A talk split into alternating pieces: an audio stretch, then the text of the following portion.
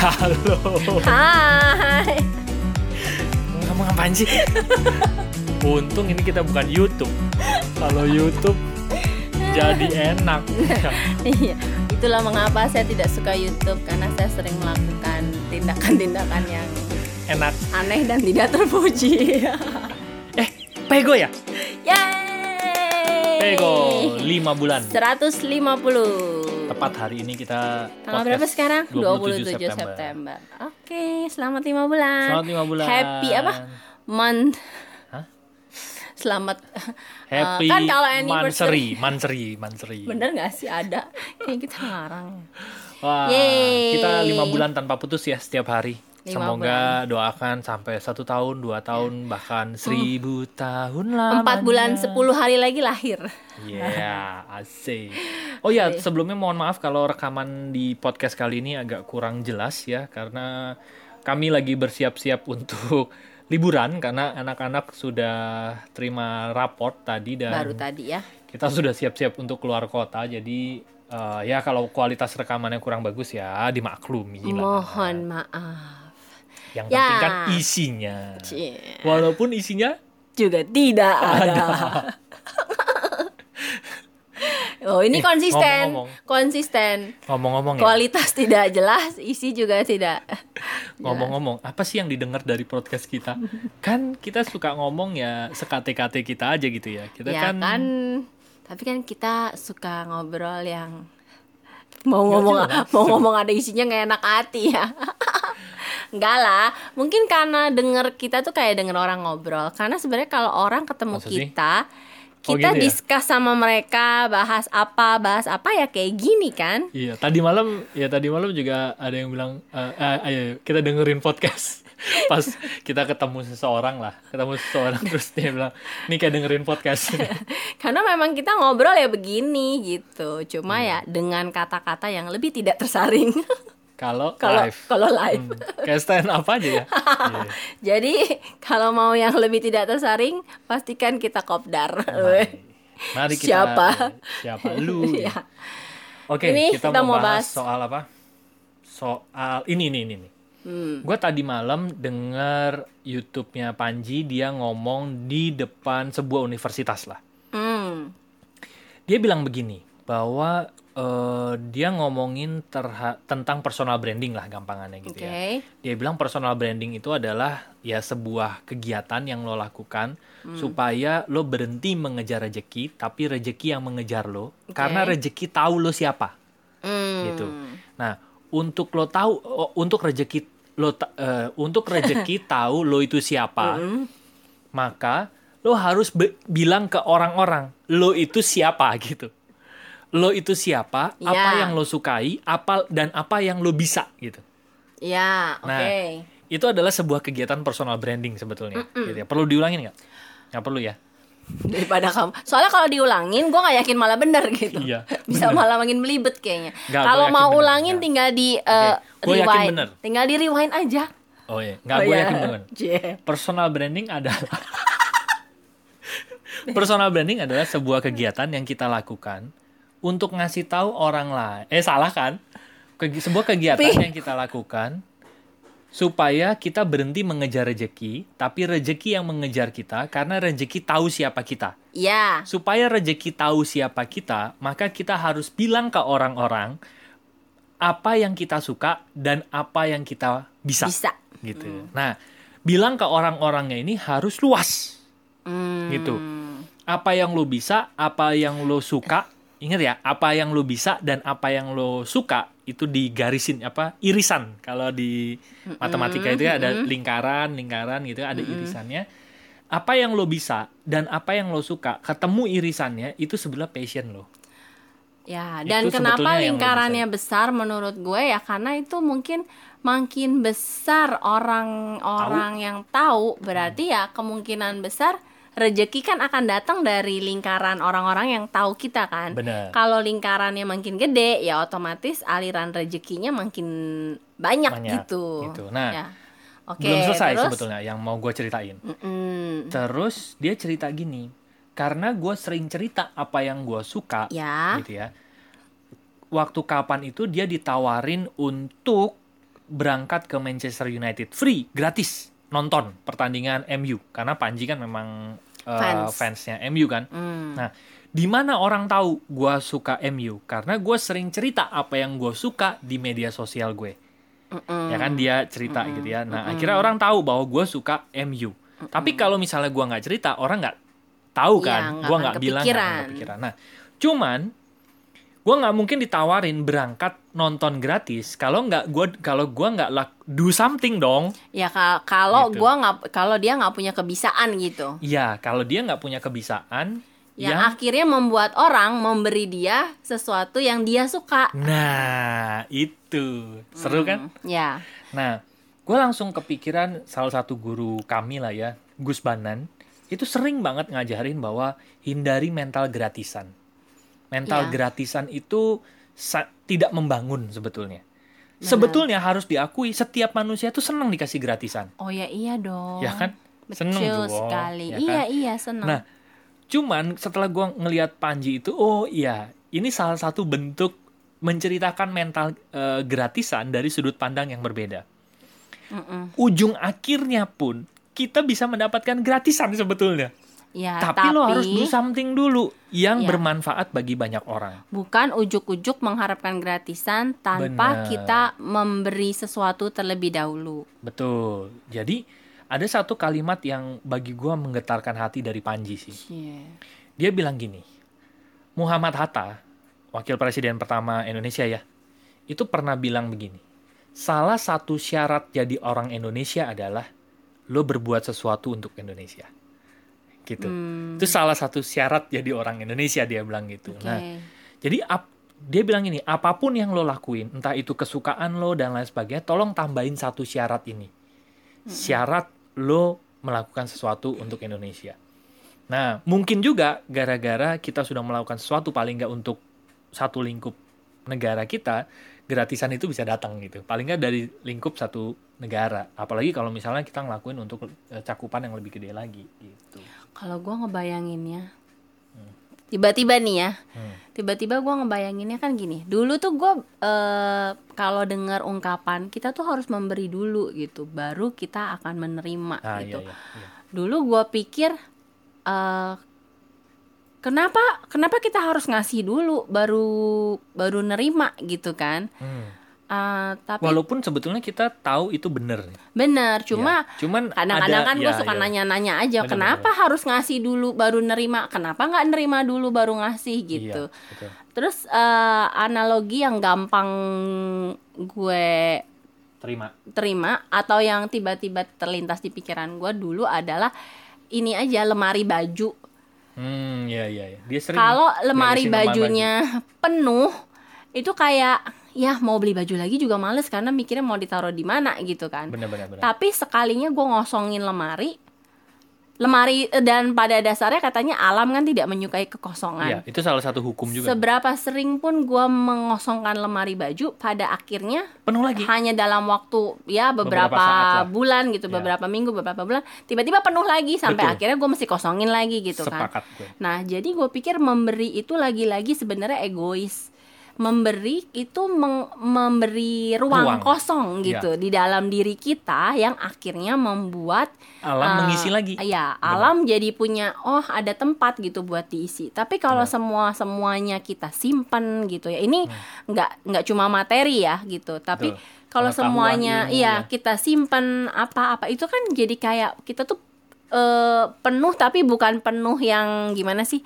Bukan bukan ke kalau di bahasa Inggris contented itu kan terisi tapi dari segi eh, jiwanya. Oke. Tapi kalau ini tuh terisi kayak banyak barang gitu loh, Iya, iya, ya iya, ngerti iya. ya. Iya, iya. Nah kalau kalau keisi banyak barang kan gimana mungkin orang mau eh, Bener. mau mau mau, Mau nerima lagi, lagi, ya benar, mau benar. lagi dan tadi waktu Ari bilang oh ya ya lingkaran itu eh, semakin luas Ya, gitu ya. Kita benar-benar. semakin semakin bisa dapat aliran juga lebih banyak. Karena gue pikir iya ya kalau orang hidup untuk dirinya sendiri dirinya sendiri itu kayak ya udah penuh aja buat buat dirinya sendiri gitu. Hmm. kayak nggak ada tempat untuk mikirin orang lain gitu. Tapi semakin banyak di orang yang dia pikirkan itu kan semakin luas hatinya. Bener nggak?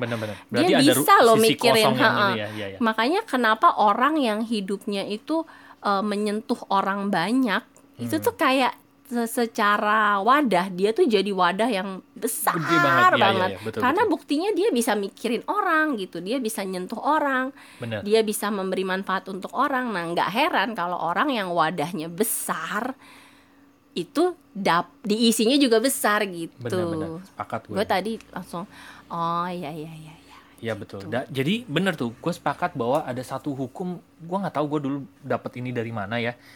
Tapi bener bahwa alam itu tidak menyukai kekosongan. kekosongan Betul.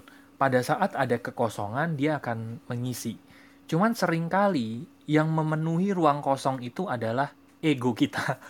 ya Aduh. benar Berasanya gini ya, gue ngerasa gini, loh tapi rekening gue kosong, nggak ada yang ngisi. gitu. Sebetulnya alam nggak ngelihat rekening kita kosong. Kalau Iya, misalnya kalau oh kalau hukumnya rek, apa alam menyukai kekosongan, rekening gue kosong nggak ada yang diisi. iya Iya kan? sampai 0,05 mungkin adalah isinya tapi di belakang koma sayangnya Enggak. Sebetulnya yang dilihat eh, alam itu adalah kepenuhan ego kita, kekosongan ego kita. nah gitu. itu yang tadi maksud gue gimana gue membedakan orang yang penuh secara jiwa Iya. itu yang tadi ya contented tadi Bener. sama orang yang penuh tapi penuhnya sama ego Sama ego, gitu bener. itu dua Bener. hal yang bertolak belakang Betul, betul, betul. Jadi yang satu penuh penuh Kamu secara ngerti kan cinta ya? gitu ya. Yang Ah. satu tuh kepenuhan ego. ya Gitu ya, ya betul, betul. Gitu. Jadi orang yang penuh secara ego itu, egonya penuh, semesta tuh bingung. Gue mau nggak, gue ya. sebelum mau ngasih lo gitu. Cuman gimana ya? Tempat lu udah penuh banget. Gue mau naruh di mana lagi gitu. Udah bingung. Jadi jalan satu-satunya adalah semesta itu ngasih tahu cara, ngasih tahu beberapa kejadian, ngasih tahu kita dengan memberikan kejadian-kejadian. Dan kejadian-kejadian itu dengan tujuan mengosongkan ego kita sebetulnya. ya Apa kur- kurang kurang baik apa coba ya sebetulnya? ya? Benar, udah ditunjukin. Bener. Cuma memang kadang-kadang pemalasnya orang adalah entah gini ya, antara mela eh, antara males atau bebal, auban. Hmm. Kalau males itu kan kayak harus dikasih taunya bener-bener jelas gitu. Jadi kalau Hmm. cuma tanda-tanda apa ya gue nggak ngerti gitu kayak males memaknai sendiri gitu kalau Hmm. ngomong yang jelas dong ya kan padahal udah dikasih tahu tuh Padahal alam itu punya people skill ternyata. Iya, mulai dari yang kecil-kecil dulu kan. Nah, terus ada juga orang yang bebal, udah jelas tapi masih menganggap ya pokoknya dia selalu punya pembenaran diri aja gitu. Jadi Hmm. kayaknya selalu ya ya itu tadi. ya gitu deh. Jadi hmm, Iya. Jadi gitu ya. Jadi sebenarnya apa pun pelajaran yang datang itu sebenarnya untuk membuat membantu kita belajar melepas, Melepas ego. Dan tujuan Karena, ujungnya kalau ya. misalnya egonya sudah terlepas, terciptalah ruang kosong di dalam Ya. di dalam diri kita gitu ya. benar. Dan karena ada ruang kosong itu akhirnya alam bisa mengisi Ya bisa mengisi berlimpah, berlimpah gitu. gitu. Nah, semakin besar jangkauannya, maka semakin besar ruang kosongnya itu gitu kan. Iya, karena ya mikirnya kalau kita cuma mikirin diri sendiri, ya berarti kita wadah kita ya cuma buat satu orang gitu, buat diri kita sendiri. Kalau eh, wadah kita, eh, kalau kita mikirinnya sebatas keluarga, ya mungkin wadahnya oh oke lah Iya, iya. wadah lima orang nih, ya udah diisinya ya untuk yang Lima orang. berlima gitu. Iya, iya, benar. Tapi ketika eh, apa ya impactnya gitu ya, bisa untuk 10 ratusan, ribuan, ya itu Iya, kan iya, akan iya. jadi wadah yang lebih besar lagi. besar lah ya bener, lebih besar lagi Bener-bener gitu. setuju gua. Jadi sebetulnya ujung-ujungnya ya, ujung-ujungnya tanpa kita minta untuk digratisin, semesta itu akan memberikan sesuatu yang gratis kepada kita. jadi sesuatu yang kita suka itu pada akhirnya eh, Datang. datang kok ya gitu Gitu, ya Iya. Dan itu gratis sebetulnya. Jadi sebetulnya Hmm. malah sebetulnya bener juga peliharalah mental gratisan. Tapi di belakang. tapi di belakang dapatnya karena ya itu sebetulnya benar Nggak ada setiap Pi, orang mental itu gratisan di belakang. nggak ada ya sebenarnya orang harus bayar dulu kan Iya. sebetulnya iya iya jadi sebetulnya semua orang akan mendapatkan apa yang mereka inginkan gitu ya mereka butuhkan tapi ya tadi mereka perlu berproses untuk mengosongkan apa yang di dalam itu Iya kalau kalau orang tangannya penuh penuh sama barang, nih gue mau ngasih lu barang, terus lu gimana ngambilnya? Kan lu harus ngasih dulu barangnya ke orang ya supaya tangannya kosong, baru bi lu bisa gua kasih gitu Iya, kan. Nah kalau dia tangannya penuh, nih gue mau ngasih barang, ya udah tumpuk aja. Yang ada malah jatuh terus malah bener. ya ini ya mau nggak malah mau ya, ya jatuh semua malah susah ya gampangannya begitu ya. seru Jadi ya ternyata ya. ya lingkarannya Oke. itu selalu seru gitu Ini mengingatkan gue lagi sih bahwa oh iya ya. Memang kalau Gus Banan bilang kan kalau soal duit itu emang harus bego kan, bego-begoan. Ya maksudnya nggak usah hitungan dan lain-lain. Dan itu, Duit itu mainan. gue juga masih belajar untuk bisa bener-bener nganggep duit itu mainan gitu. Karena kadang-kadang kan masih yang saya melekat sama duit gitu kan. Tapi bener juga sih begitu mulai belajar nganggep duit itu mainan, segala sesuatunya jadi terasa lebih enteng plong, Bener. lebih ringan. Betul. Karena toh mainan gitu. bener Ya masih belajar lah, masih belajar untuk bener-bener bisa akhirnya mengalir deras gitu ya. Iya. Eh, apa Cuma prosesnya jadi lebih menyenangkan gitu sekarang. jadi gampangan gitu ya Iya. kamu gampangan Aku gampangan kalau sama kamu. aduh ya ya ya Ya ya ya.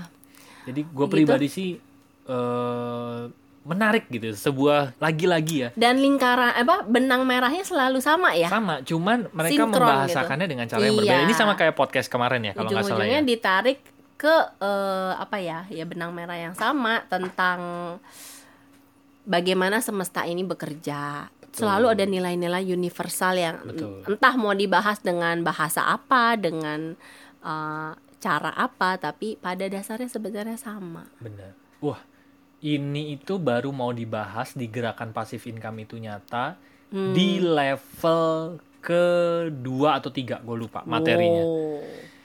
Iya loh. Jadi nanti yang kan Senin besok kita udah mulai nih. Ini udah Yeay, Hamin tiga. Hamin tiga ya. Hamin gerakan pasif income, itu nyata, Batch pertama ya. ya Kita udah mulai. Nanti di materi yang level 1 aja keren gitu, menarik gitu. Kemarin gua ngobrol panjang sama temen Seorang gitu ya. temen, dan apa yang dia tanyain itu sebetulnya semuanya, semuanya ada di materi gerakan pasif income itu nyata gitu. Cuma kadang-kadang kalau orang langsung dikasih brek itu kan yang ada eh, beler ya. Iya bener. Kena itulah kenapa gerakan pasif income itu nyata nanti bener-bener apa ya eh, ngasihnya itu gigitan demi gigitan Mm-mm, gitu. Tapi Jadi- terus berkesinambungan terus. Jadi, ya nggak kekenyangan, nggak kelaparan, tapi Pas. makan terus setiap kan harinya katanya sesuai makan yang porsinya. bagus itu adalah berhenti sebelum kenyang Ya, kan? betul makan sekali. sebelum lapar berhenti sebelum kenyang jadi Ah. begitu berhenti sebelum kenyang tuh pengen makan lagi nanti gitu Ya. kalau udah kekenyangan malah jadi enek Tapi gue selalu makan sebelum lapar dan kemudian saya lupa untuk berhenti juga. kayaknya kamu nggak kenyang kenyang kayaknya Ya, ya, ya, ya. Baiklah.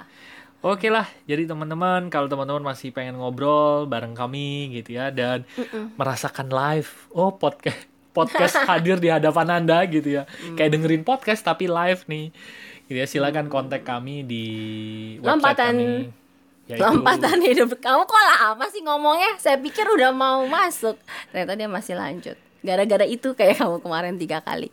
Gara-gara itu, Ya, gara-gara itu. silakan kontak kami di website kami yaitu Lompatanhidup.com nanti ada tiga page di sana apa aja itu Home, counseling event, sama bisnis. Nanti teman-teman di semua page itu ada kontak WhatsApp, bisa langsung kontak sesuai Kebutuhan kebutuhannya teman-teman.